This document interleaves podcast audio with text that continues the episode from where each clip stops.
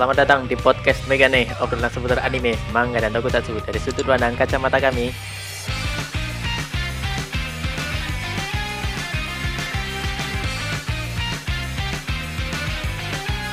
Ye ye ye ye. Oh, di musim hujan yang mulai intens sekarang ya, Man? Iya betul intens sekali. Pilek batuk sudah merajalela. Waduh, Mhm. iya nih. Minggu lalu juga saya kebetulan sakit, tapi sudah sembuh sih, Ya sama. untungnya gitu. Kalau di situ gimana, Man, kabarnya? Ya alhamdulillah lumayan sehat. Paling pilek batuk dikit lah. Ya, ya, Kalau sakit dirimu- ringan aja lah ya. Dirimu gimana Ya, pak? Ya setelah minggu lalu dua hari terbaring, akhirnya setelah minum vitamin dan obat-obatan lainnya Oke. Udah bisa beraktivitas normal lagi. Ya. Memang sehat adalah hal yang mewah ya pak di tahun 2020 ya. Waduh, iya iya iya. iya. Hal mahal. Pokoknya kalau- sehat. Sakit sedikit kerasa sedikit itu mesti langsung ditangani man, nggak bisa ditunda-tunda. Iya kepikirannya aneh-aneh ya. Ah, ah, langsung Ah, gejalanya apa aja nih? Apakah mirip? hmm, hmm. Kalau ternyata nggak mirip ya, kalau aman ya, ya udah tinggal minum obat warung aja ya. Iya aman Sembuh. kalau itu. Tapi hari ini kita bukannya mau membahas tentang penyakit ataupun hujan, man. Iya betul. Karena bukan bahasan kita memang. Mm-mm. eh jadi dulu kayaknya kita pernah bahas anime villain ya. Ya, villain yang tidak bisa Villain. kita benci gitu loh. Villain yang tidak bisa kita benci. Nah, sekarang justru kita mau membahas karakter-karakter anime yang paling dibenci. Iya, menurut saya sih ini orang layak dibenci gitu loh. Iya sih. Ya itu mungkin beberapa ada yang masa sih ada Iya. yang mungkin bagi sebagian orang enggak juga tapi iya, dan ada ya yang bukan juga- villain juga tapi dibenci ya ada. nah ya betul Nah, gitu Jadi banding Malah kayaknya villain dari- kemarin ya. iya kebalikannya yang kemarin memang. Mm-mm. Betul. tapi kali ini nggak banyak banyak dari kami mungkin Iya, masing-masing tiga cukup ya tiga aja lah. tiga cukup Mm-mm. ya kalau gitu mulai pembahasan dari saya dulu Ya, boleh silakan. oke dari saya ini yang pertama ini dari anime tahun lalu ya berarti ya anime Oke. judulnya anime Babylon Mm-mm. ini anime yang di akhir itu bikin saya terenganga dan nggak bisa berkata-kata sih speechless banget Uh, kenapa tuh? eh ya ini langsung aja ke eh, yang paling saya benci itu di situ Aimagase jadi Aimagase ini Hmm. ya villain utama sih di situ antagonis utama yang sampai akhir episode masih belum bisa dikalahkan gitulah Oh, begitu. jadi Aimagase ini ya apa ya kalau bisa dibilang kalau banyak orang bilang wanita adalah ular ya Aimagase lah eh, representasinya gitu. Jadi dia ini bisa dibilang teroris yang menghasut orang-orang untuk melakukan bunuh diri. Hmm. Jadi di Babylon itu kan eh, fokus cerita utamanya di satu negara yang terjadi perdebatan antara bunuh diri itu mau dilegalkan atau tidak, kayak Iya, gitulah. iya, iya. Nah, Ai Magasa ini salah satu dalang di balik eh, orang-orang melakukan bunuh diri itu. Jadi kalau misal eh, kita di 2020 ini kita sial ketemu orang terjangkit COVID kayak gitu ya. Mm-mm. Tapi kalau di Babylon sialnya itu kalau ketemu Ai Magase udah pasti setelah ketemu eh, matilah istilahnya gitu. Nah, Pokoknya bisa setelah dipastikan ya mati ya. hampir bisa dipastikan setelah ketemu Ai Magase ngobrol-ngobrol Ai Magasenya pergi, kita yang jadi lawan bicaranya Bunuh diri. malah bunuh diri gitu. Hmm. Nah, Ayo Magase ini selain si ular yang jago menghasut, dia ini juga jago merias wajah sih. Jadi beberapa kali dia itu mampu tampil eh ya jadi orang lain lah gampangannya gitu. Dia Hmm. jago menyamar, jago menghasut. Dan ya itu di akhir cerita itu yang paling menyebalkan itu kok bisa dia nggak kalah gitu. Ya mungkin karena saya terlalu banyak nonton anime shonen gitu ya Iya, yang iya. penjahatnya Kayaknya- pasti kalah. Ah, betul. Jadi ketemu anime kayak gini wah agak sedikit shock Kesel ya, Pak. agak emang agak ya evil murni lah jahat murni kalau bagi saya Evil murni. Boleh. Bahkan bu aja nggak sampai kayak gini Iya, betul. Iya. Ini lebih parah daripada iblis majin orangnya Padahal manusia ya, Pak. manusia Hmm. itu Hmm. Ayo Magase ya nggak bisa banyak yang bisa saya omongkan karena memang eh, karakternya ya seperti itu menghasut menyamar ngajak orang buat bunuh diri dan animenya sendiri juga tidak panjang jadi ya kalau teman-teman penasaran dan pengen merasakan sensasinya eh, nonton Babylon tonton aja eh, Babylon lah salah satu anime psychological thriller kalau bagi saya di tahun 2019 yang Hmm. cukup seru Oke, oke. itu yang pertama dari saya man Ai Magase Perempuannya itu ya, Lanjut. Pak. perempuan Oke, saya juga dimulai dari yang perempuan deh. Ini Oke. dari anime baru-baru nih. Ini kita bicaranya anime ya, anime dulu nih. Jadi saya Ya. meni- meni- eh, menilai, ya menilai apa yang saya tonton di anime, bukan yang saya baca di manga atau komik ya. ya betul Oke. Ini yang kemarin-kemarin sudah mulai hits lah. Si Tower of God, Pak. Nah, yang Hmm, keluar dari iya, webtoon iya, itu dari Crunchyroll juga tahun Nah. ini ya berarti ya tahun ini jelas. Ini ada tokoh di Tower of God namanya Rahel ini perempuan. Ya Hmm. kalau teman-teman yang nonton Tower of God pasti mengerti perasaannya mengapa saya benci dengan Rahel. Si tukang PHP satu ini langsung kusebut. tukang PHP satu. Ya si tukang PHP satu ini wajib dibenci sih. Dia ini saya kasih gambaran mudahnya ya. Dia ngasih Hmm. harapan sama laki-laki polos bernama Bam tentang menara dewa. Terus dia pergi meninggalkannya. Nah, Bam yang ih ke mana ini? Rahel, orang yang menemaniku dan sebagainya. Dia mencoba mengejar. Tapi Hmm. si Rahel ini ini jual mahal ini. Memang tukang PHP nih. Dia jual mahal, pura-pura jadi orang lain. Ya sampai ya namanya si Bam kan lelaki polos nih. Ya masih berpikir positif lah seperti itu. Singkat Hmm. ceritanya ini si Rahel tuh cedera gara-gara menyelesaikan sebuah misi lah atau sebuah tantangan lah. Dia cedera nih kakinya. Terus pakai kursi Hmm. roda. Baru tuh ngaku saya Rahel nih. Nah, Bam yang mendengar si Rahel kapan sih cedera terus teringat mimpi-mimpinya dulu katanya Ra- Rahel bisa ngelihat langit sama bintang bersama Bam di puncak menara. Wih, Nah iya dong, dia bilang gitu kan. si Bam lelaki polos satu ini ya baper dong Iya, iya. dan mau membawa Rahel sampai puncak menara. Nah, nih kan Hmm. mau membawa Rahel sampai puncak menara. Diskusilah dengan timnya. Susun rencana gimana caranya biar kita bisa naik bersama-sama. Seperti itu. Tetapi pikiran Rahel tidak seperti itu. Rencana sudah berjalan mulus, bentar lagi Hmm. happy ending. Si Rahel ini rupanya pura-pura cacat dong dan mendorong Bam jatuh ke jurang tanpa batas. Anjir. Dia anjir. menggantikan posisi Bam di kelompoknya dan naik ke lantai berikutnya menuju puncak menara.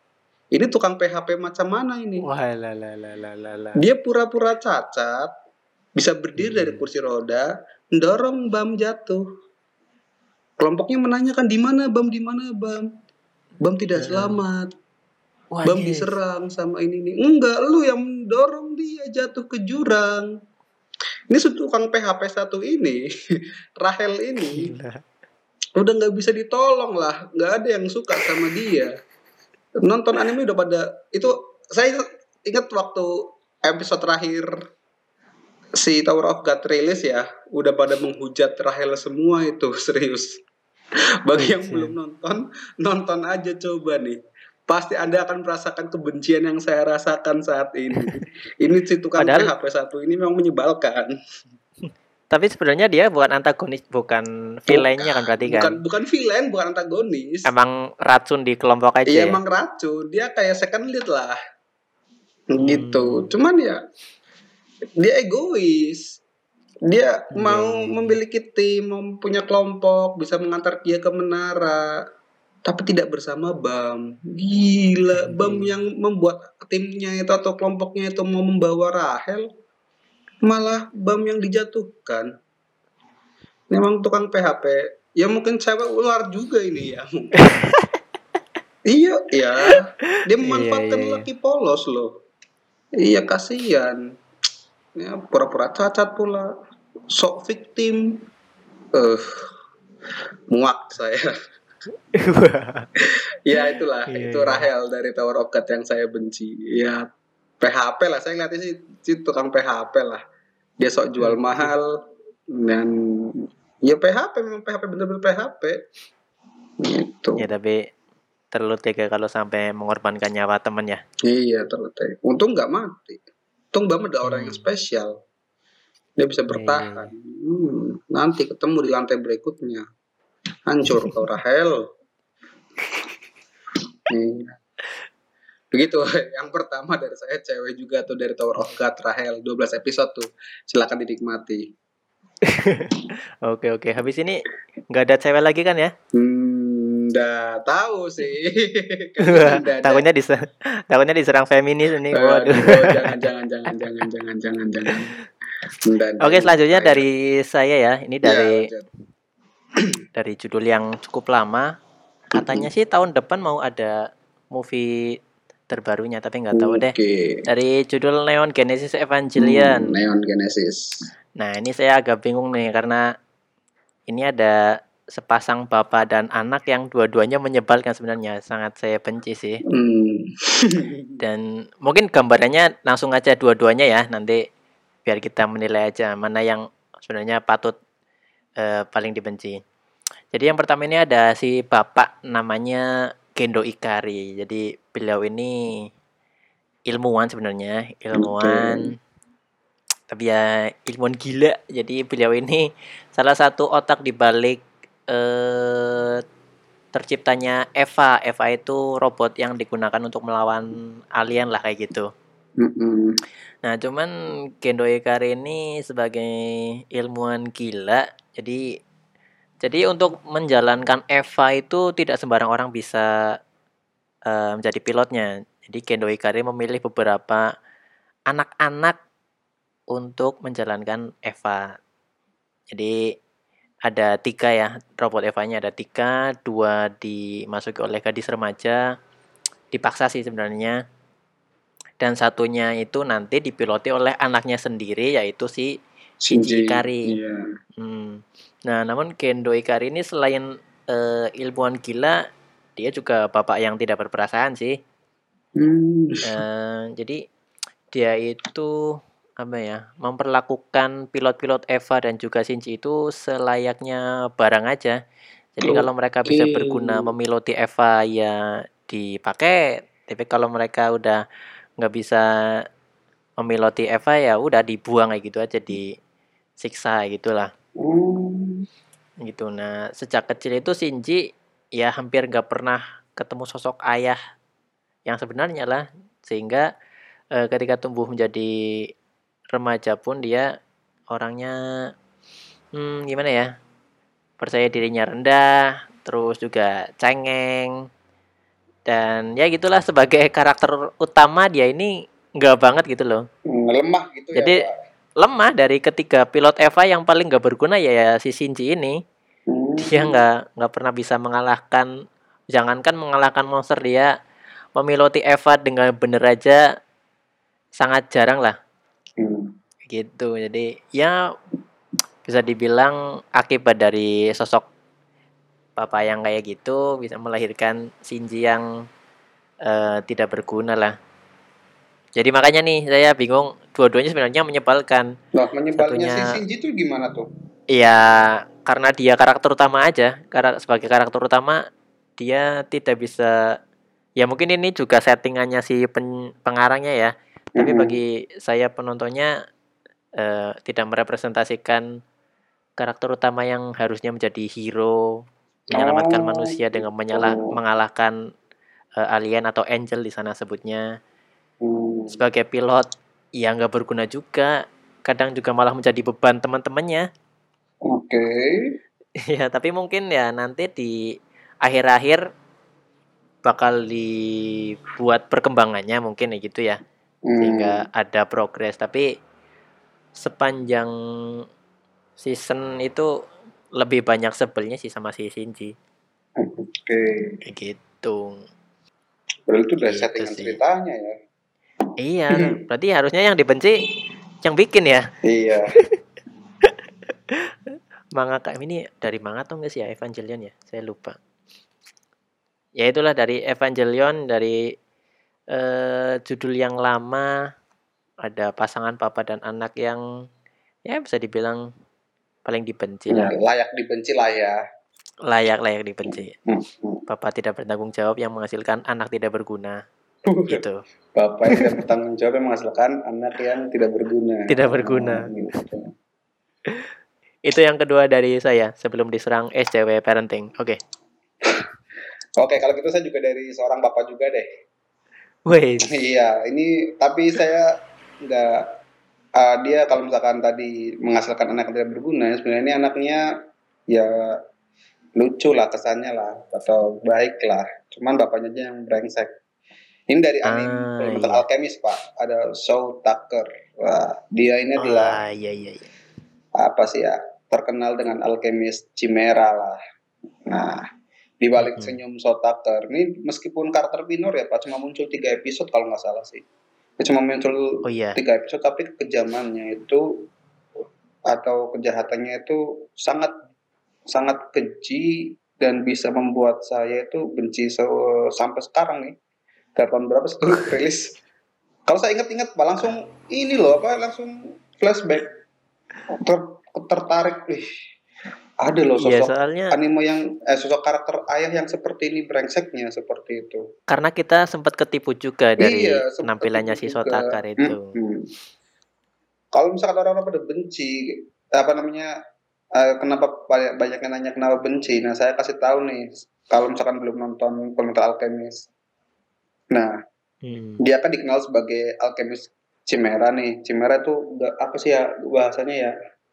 Eh, Apa sih berarti ya? kayak hewan, bukan hewan sih, makhluk hidup buatan ya, Iya iya yang itu. buatan lah ya.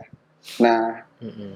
si karakter gila ini dia bereksperimen pak menggabungkan dua makhluk hidup menjadi satu kan nah Mm-mm. dia diakui menjadi alkemis Chimera itu beberapa tahun sebelumnya itu pas istrinya meninggal gitu Mm-mm.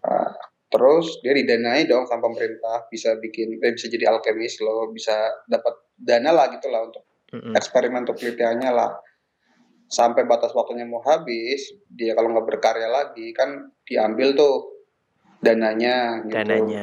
eh. dia malah menggabungkan anjingnya dan anak perempuannya untuk dijadikan sebuah chimera yang bisa berbicara Ah iya iya. iya. dah ini si tokoh utama Er- Elric Yodai atau Elric Brothers kakak beradik Elric ya Mm-mm. Iya, si Alfonso sama Edward ya marah dong.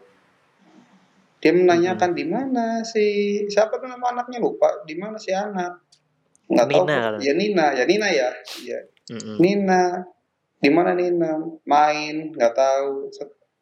Pas lihat kimeranya, kimeranya ngajak ma ngajak main Edward. Oh Nisan, Asoboyo, wah Wah. teringat dong. Ini kata-katanya Nina.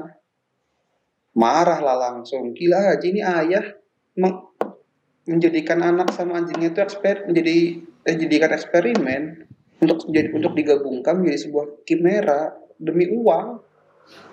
Demi uang dan jabatan. Iya iya betul.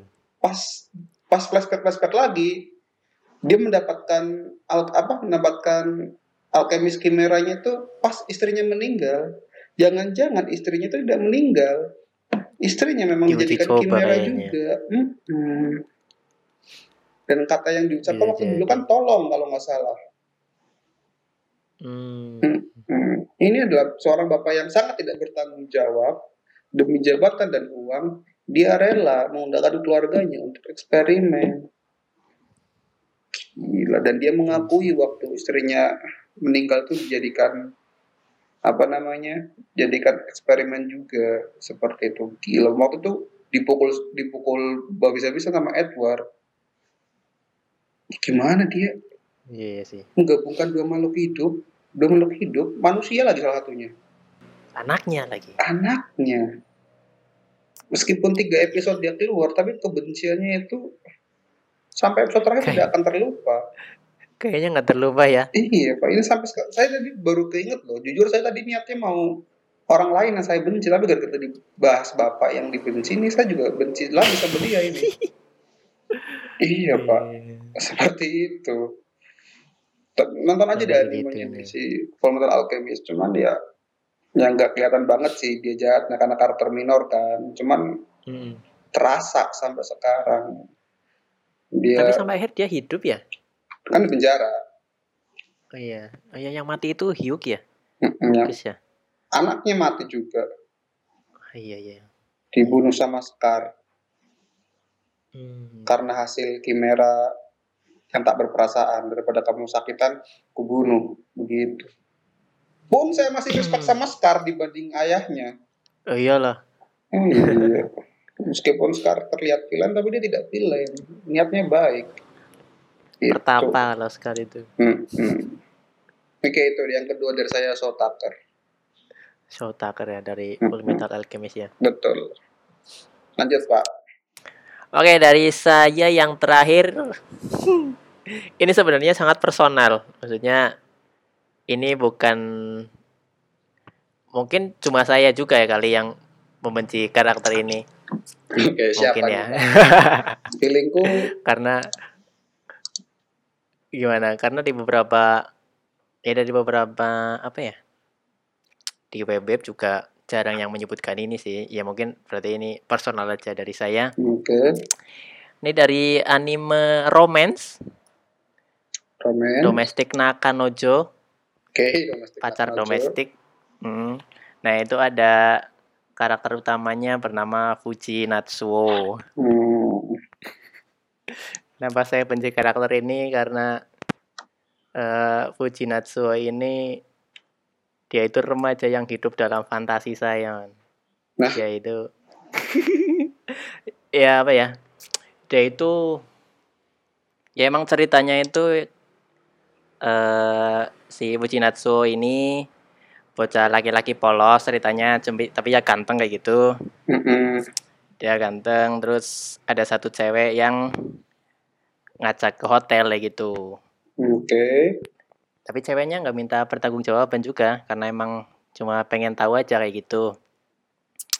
Ya berhasil lah mereka melakukannya. Terus ternyata si ceweknya ini punya kakak. Kakaknya kakaknya itu adalah gurunya Natsuo. Oh, dan si guru sekolahnya. Jadi guru sekolahnya, guru masih, SMA. Masih sekolah ya masih sekolah masih SMA hmm. jadi Natsuo ini udah uh, berhubungan dengan adiknya namun dia ini jatuh cinta sama kakaknya yang mana itu adalah gurunya. Wow. Dan yang dan yang bikin sebel gurunya juga suka sama Natsuo anjis anjis. Hah? kok bisa? Jadi perasaannya terbalaskan perasaan si Natsuo ke gurunya itu terbalaskan bukan cuma sepihak. Hmm. kayak gitu. Nah, tambahan lagi ya ini dramanya di sini. Jadi Natsuo ini bapaknya Duda uh, dan si gurunya ini namanya Hina, uh, ibunya janda. Okay. Tanpa sepengetahuan mereka, bapak dan ibunya ternyata mau menikah. Wow. Dan akhirnya dan akhirnya menikah. Natsuo ketemu Hina sama adiknya Hina siapa ya namanya ya? Rui. Ruka apa ya? Eh, Rui ya? Mm -hmm. Iya Rui. Kalau Ruka itu eh, Kono Jawakar sih Mas ya. Kurang ya Hina dan Rui hmm. eh, akhirnya tinggal serumah sama si Natsuo. Awkward ya. ya awkward tapi ya tapi brengsek juga Natsuo-nya kadang-kadang curi-curi kesempatan kayak gitu. Hmm. Sama Rui iya, sama Hinanya juga iya. Oh, ya gitu dua-duanya. Dua-duanya. Makanya hmm Makanya saya benci nih sama si Natsuo ini. Nah sama ini enggak? Oh sama ibunya enggak ya? Pasti. Ya enggak lah, tua dong. Hmm. Tua. Cuma kalau sih dari sudut pandang, mungkin dari sisi hinanya, mungkin bisa dibilang karma sih. Hina ini dulu juga waktu SMA pernah jatuh cinta sama gurunya kayak gitu dan terbalaskan juga. Hmm. Nah ini secara berulang sekarang gantian muridnya Hina jatuh cinta sama dia gitu dan berbalas juga. Dan di saat liburan musim panas, ketika teman-temannya menyalakan kembang api di pantai, bersenang-senang bersama di sana, Mm-mm. Hina justru ngamar sama Natsuo. Mereka Wow. berhubungan di situ. Anjis kan? itu brengsek sih. Itu akui brengsek. Brengsek, brengsek dan dan di situ Cerita Indonesia Ketahuan banget lah. itu loh. Apa? Cerita Indonesia banget. Indonesia banget ya. Mm-mm. Di sini guru-gurunya banyak yang disukai muridnya ya. Hmm, enggak, bukan maksudnya kayak sinetron-sinetron Indonesia banget. Sinetron Cerita Indonesia. tiba-tiba, wah plot twist lagi, plot twist lagi gitu. Eh, gitu. Nah, tapi gara-gara berhubungan pas eh, liburan itu mereka berdua ketahuan. Hah? Ketahuan ketahuan baik. Jadi ada foto session kan di pantai. Nah, kameramennya tidak sengaja menyorot ke kamarnya Hina juga. Di sana eh, kepotret pas Hina sama Natsuo-nya ciuman. Walaupun sangat kecil ya, itu kelihatan kalau di zoom juga, tapi kepala sekolahnya tahu. Nah, terus akhirnya Hinanya yang nggak bisa diselamatkan dari sekolah itu. Cuma demi menjaga rahasia, Hinanya bersedia dipecat dari sekolahnya Natsuo itu. Dan dia nggak dikeluarin si Natsuo-nya. Enggak, Natsuo-nya enggak. Oh, brengsek memang sudah titik. Ya karena dilindungi sama Hinanya sih. Hatam, brengsek titik. Jadi dia apa ya? Ya mengorbankan karirnya lah. Ya, Hmm. ya dia salah juga sih. Tapi daripada nanti rahasianya dengan Natsuo dan Natsuo-nya yang dihukum karena udah kelas 3, Oke, jadi Hinanya yang rela dipecat kayak gitu, keluar oke, dari sekolah oke, itu. oke, oke. oke. Ya, saya itulah sih. mengakui. Saya mengakui dia Puji brengsek. Natsuo lah. Brengsek ini. Mungkin apa ya? Kalau mungkin ini hentai saya lebih terima sih, tapi ini bukan hentai. Oh, oh iya sih ya maksudnya kayak oh emang plot twistnya memang begitu sih ya kalau hentai Iya. ya berarti bukan dinikmati Kalau ceritanya Mm-mm. kan. Kalau ini kan sama Mm-mm. shonen juga namanya. Kayak gitu. Mm, Eh, siaran, siaran Puji Natsuo.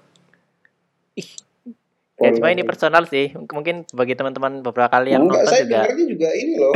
saya sampai browsing ini sekarang. Si- Aneh sih apa sih? Saya sampai browsing aku tadi beberapa ngerti nama-namanya kan saya lagi browsing. Eh, Dan saya dengar ceritamu itu oh brengsek memang ini. Begitu. oh iya, Pak. Fuji Natsuo juga dapat satu juga temennya si Rui. Hampir, Hmm. hampir dapat juga itu. Emang brengsek sih. Nah, itu murni murni brengsek memang sudah titik. Tapi tapi saya senang, saya animenya sebenarnya saya suka. Kayak jadi ya makanya saya tadi bilang personal emang ini munculnya setelah saya nonton animenya ya bagus. Cuma setelah saya tonton ternyata Hmm. wah ini gila sih si Fuji Natsuo ini. Gila gila. ya itu man dari saya yang terakhir Oke. ada Fuji Natsuo itu dari Domestic Nakanocho. Tapi bagi teman-teman yang pengen nonton animenya nggak apa-apa, animenya bagus. Oke, siap. Gitu. Berarti yang terakhir siapa nih Mandali? Saya, kalau saya ini yang terakhir memang sudah saya benci karakter ini dari saya masih menggunakan seragam putih abu-abu, Pak. Woi, Langsung udah saja 2011 dari ya berarti kejadiannya ya? Ah, sudah lama sekali. Langsung nih dari anime favorit saya One Piece. Ya, kan udah pada Nah. tahu pasti. Sampai sekarang saya mendendam pada orang ini atau karakter ini Iya. yaitu Akainu, Ini nih, Pak. Againu. Akainu ini ah saya cerita panjang nih kalau Akainu nih. Dia itu boleh, boleh, boleh. apa ya meskipun dia tokoh yang berpengaruh di marinir dia selalu menjunjung tinggi keadilan tapi dengan cara yang menurut saya Hmm. evil pak jadi adilnya itu evil menurut saya nih Atau kenapa mungkin bisa dibilang terlalu kaku. Hmm? Terlalu kaku mungkin iya orangnya. terlalu kaku Terlalu saklek. kita kupas satu persatu alasan mengapa saya benci sama dia orang Hmm. yang pertama ketika dia masih menjadi wakil admiral kejadian di Ohara hmm, nih yang masih pada Oh, ingat Hara. Dia menghancurkan sebuah Robin. kapal yang berisi banyak warga sipil. Nih, banyak warga sipil demi mencegah Hmm. kemungkinan naiknya salah satu ilmuwan Ohara di kapal itu. Ah, Hmm. dia membakar, dihantam tinju waktu itu. Dan dia ber- berkata seperti ini, jika salah satu ilmuwan berhasil naik ke kapal itu, semua pengorbanan yang telah kita lakukan akan sia-sia. Kejahatan harus ditumpas habis. Perkataan macam ini keluar dari wakil Admiral Marinir yang katanya akan melindungi warga atas nama Warga. keadilan. Tapi dia membunuh warga. Dengan alasan yang nggak masuk akal dan Nggak masuk akal. nggak- dengan belum tentu terjadi juga ya. Iya, Mm-mm. mencegah kemungkinan naiknya salah satu ilmuwan. Ah, apa-apaan itu? Itu yang pertama. Yang kedua nih yang mungkin pada pada benci, ya saya juga benci sih di perang Marineford pak. Iya iya. Bagaimana tidak, dia ringan sekali membunuh siapa pun yang dia pikir jahat atau bertentangan dengan keadilan yang ia junjung. Dia Hmm. pernah membunuh prajurit angkatan laut yang melarikan diri dari pertempuran. Dibunuh santai sekali. Star, tinju selesai. Si brengsek satu ini juga menghasut Squardo, salah satu komandan Oh iya iya benar. Shirohige agar berbalik melawan Shirohige. Ditusuklah Shirohige sama Ditusuk, Squardo mhm. gara-gara kebohongan yang dia buat. Dihasut di Squardo. Dia juga mengolok-olok Shirohige, Pak. Gila, orang yang saya Oh iya, respect, benar. orang yang saya hormati. Diolok-olok. Yang paling parah, dia membunuh Porgas di es. Dia satu-satunya tokoh anime yang berani, yang mampu, yang bisa membunuh karakter penting di animenya. Anime Iya, mana iya, coba ya? Yang anime mana anime karakter mana deh yang berani membunuh orang penting di animenya? Nggak ada, cuma cuma si Akainu brengsek ini. Ya emang Marineford itu anomali banget lah setelah Luffy Iya. itu berkali-kali berhasil ketika Mm-mm. menyelamatkan kakaknya malah kejegal Ya, sama si anjing sih. merah ini. itu juga sih yang bikin tambah meluap apa maksudnya harusnya ini Hmm. berjalan dengan lancar harusnya ini baik-baik aja kan gitu kan tapi tidak Hmm. karena ada Akainu di sini yang katanya menjunjung keadilan tidak dia membunuh secara evil kok Iya. tidak adil Bahkan Sengoku aja berkali-kali ada kesempatan menggal es juga nggak langsung. iya Penggal, kan? langsung begitu dan yang paling jengkelnya juga pak ketika sudah banyak korban berjatuhan pada Marineford saat itu ya di dua kubu perang sudah banyak yang berjatuhan nih Mm-mm. perang masih lanjut pak Iya masih lanjut dia malah terus. bilang bunuh semua itu prajurit eh prajurit apa bajak lautnya yang kabur bunuh semua bunuh semua ini Iya, iya. nggak memperhatikan ada prajurit yang sekarat yang harus bisa- yang masih bisa diselamatkan nah pertempuran Padahal kalau Hmm? Kalau nggak salah ya man kalau dalam perang ketika salah satu kubu itu udah eh, minta mundur itu udah nggak boleh diserang kalau Iya, nggak salah betul, lo ya. betul betul sekali. Ya emang dia sok-sokan adil bedal evil. Iya pertempuran itu baru berhenti ketika Kobe nih yang angkatan laut kroco. Oh iya benar. pada saat itu masih kroco ya. Berteriak agar semua orang menghentikan perang Akainu malah marah sama Kobe dan mau ninju Kobe? Oh iya benar. gila ini angkatan laut yang bener mau di, mau dihantam. Untungnya ada Shanks tuh mela- menyelamatkan Ah, iya. si Kobe gitu. Emang brengsek ini bahkan sama sama Shanks yang katanya bajak laut jahat juga saya masih respect sama Shanks Oh dibanding ini. Itu lalu di ke- kejadian berikutnya pertarungan 10 hari pak untuk menjadi Flight Admiral Oh jadi admiral. iya sama mengapa lawan Okiji ya. iya mengapa harus melawan Ako- eh, Aokiji yang sesama admiral diskusikan bisa Hmm. saya lebih respect sama Aokiji loh dibanding Akainu anda Dan bahkan sudah Okiji puas. itu Hmm? harusnya kan Okiji yang direkomendasikan Sengoku kan ya? Enggak. Ya, dia direkomendasikan sama Gap. Oh ya Garp ya. Mm-mm. Iya pokoknya yang direkomendasikan itu Okiji. Iya. Puas sudah jadi Flight Admiral. Kuzen keluar loh dari Iya. angkatan laut. Brengsek memang itu si Sakasuki Akainu. Dan yang saya ini ini sih mungkin pikiran saya doang ya, Pak. Ini luar dari topik ya. Ini saya mungkin saya benci mungkin karena sudah memendam benci sama dia lama. dia perkembangannya itu nggak menunjukkan dia adil-adil banget, Pak. Nyatanya Hmm. waktu di movie Z nih, kalau pada ingat, dia sok sosokan adil, tapi kenapa nggak turun langsung buat ngelawan Z? Malah nyuruh Borsalino dan beberapa wakil admiral Hmm. untuk datang ke situ dan menyelesaikannya. Anda takut bos. Keadilan Anda itu cuma lancip pada pada pejak laut. Ini Iya, iya, iya. iya dia tumpul loh. Keadilannya jadi tumpul karena yang dilawan mantan instrukturnya. Ya kalau misalkan dia benar-benar punya rasa keadilan ya, ya harus kubasmi. Gitu dong. Rata dong harusnya Hmm. dong. Siapa pun tuh rata. Orang kopi aja mau dihantam. Baca eh Marley juga udah dihantam. Marinir. Ya masa ini mantan instrukturnya dia enggak cuma marah-marah doang nyuruh Borsalino berangkat panggil Buster Call ya ya ya gimana lu harusnya datang juga eh Mungkin karena itu dia agak sengit sama Fujitora ya. ya karena- bisa jadi sih. Mungkin Fujitora lebih rasa keadilannya mungkin lebih bener sih kayaknya. ya. Emang dia aja yang salah titik sudah. Dia aja yang udah salah.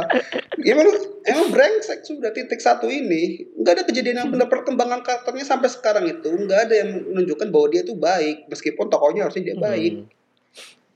nggak ada. Iya, iya, iya. nggak ada makanya sampai sampai sekarang saya masih mendam benci nggak eh gimana berarti waktu itu ya waktu itu 2000 berapa sih 2010 atau 2011 lah sampai sekarang tuh saya masih benci sama dia masih dendam gila Iya. Admiral Bahkan macam lebih apa? dari Tits ya berarti ya. Hmm? Lebih dari bencinya sama Tits ya. oh ya jelas Kuroike masih ada bener-benernya dikit lah dia ngelepasin Hmm. Jawel Ribani lah atau mungkin ya dia cuma kalau saya sih ngeliat Kurohige ya itu kayak pura-pura jahat aja padahal dia lemah gitu loh Hmm. sok-sokan berkuasa ini yang benar-benar sudah berkuasa menyalahgunakan jabatan brengsek pula Sakazuki Iya. Akainu Kalau Cocok sama Kurohige- namanya lah berarti. Akainu anjing merah. I- Iya memang anjing ini. Kalau saya boleh mengumpat memang dia anjing merah, Aka merah Inu anjing anjing merah memang dia Iya, sudah titik.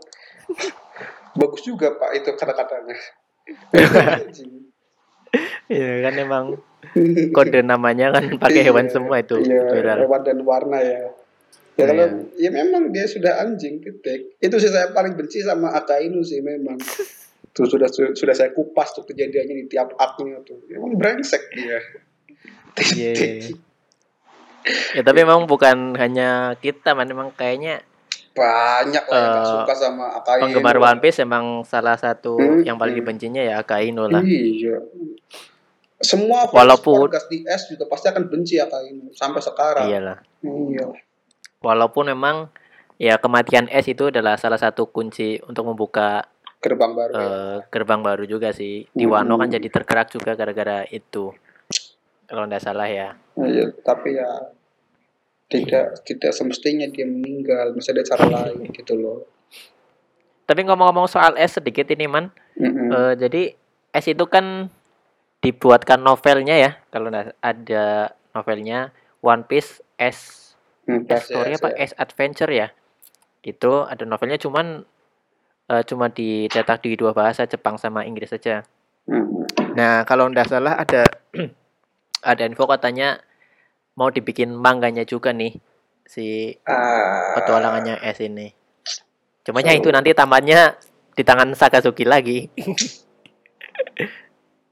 dan ini memang apa ya? Ini nggak nggak bisa dibahas lah saya daripada marah-marah di sini. Nggak usah. Memang Sakazuki emang memang sudah anjing, memang sudah titik. Iya, oke. Tapi mungkin eh, apa ya? Prediksimu apakah Sakazuki bakal jadi bos terakhir atau enggak, Man?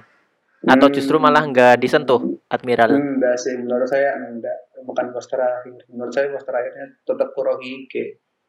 Hmm, Dia itu cuma- jadi Sok-sokan adil. Karena Iya. Aja nanti kudeta dia pensiun mati. Amin. diganti kopi ya paling ya. Ah iyalah. Ketika Louis saya. jadi raja bajak laut kan kopi katanya mau jadi admiral. Iya, Kobe itu bagus itu. Sudah baik. Iya dia dia mungkin akan jadi versi apa ya versi terbaiknya Gap lah Hmm, Versi sempurnanya versi Gat ya. sempurnanya Gap dan milenial nggak kayak Kaimu kolot brengsek anjing titik satu anjing merah Anjing merah. Mm-mm. Agak ini. Oke. gitu itu dari saya pengen terakhir pak sorry pak jadi emosi nih saya Eh nggak apa-apa, nggak apa-apa. Emang sengaja harusnya kayak Emang gitu. wajib dibenci nih orang satu kata ini Mm-mm.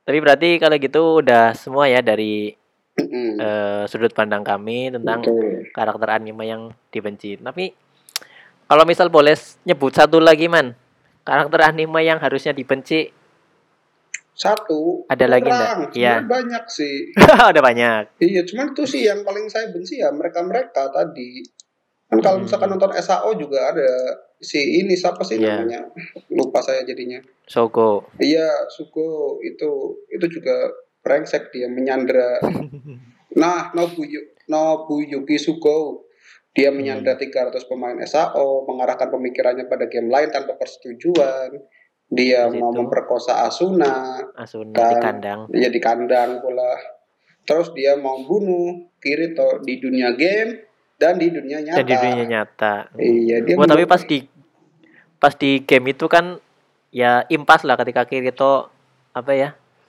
Ketika rasa sakitnya langsung dinolkan ya. Jadi Mm-mm. apa yang dirasakan di game beneran kerasa di Iya, sampai damage di sih. tubuh aslinya. Iya, sampai damage cuman ya tetap aja saya benci sama nih orang satu Mm-mm. sok-sokan baik depan orang tuanya Asuna pula Oh iya iya. iya. Tunangan tuh tuh tuh sih. Kalau dirimu siapa pak? Ada satu lagi agak susah sih kalau saya. oh, Siapa lagi ya yang benci?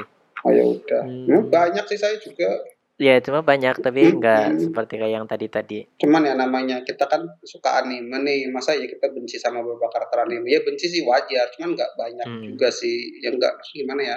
Yang kita Tapi- juga kita juga suka sama anime gitu Ya kebencian kita terhadap beberapa karakter ini kan enggak nggak mempengaruhi keben- eh, terhadap animenya kan tetap suka iya, kan tetap suka animenya. saya masih saya bilang One Piece adalah anime favorit saya meskipun saya punya Iya. dendam sama satu karakter itu satu si anjing merah itu tadi Dan memang adanya orang-orang ini ya dibutuhkan untuk iya, cerita juga sih. elemen-elemen itulah ya Mm-mm.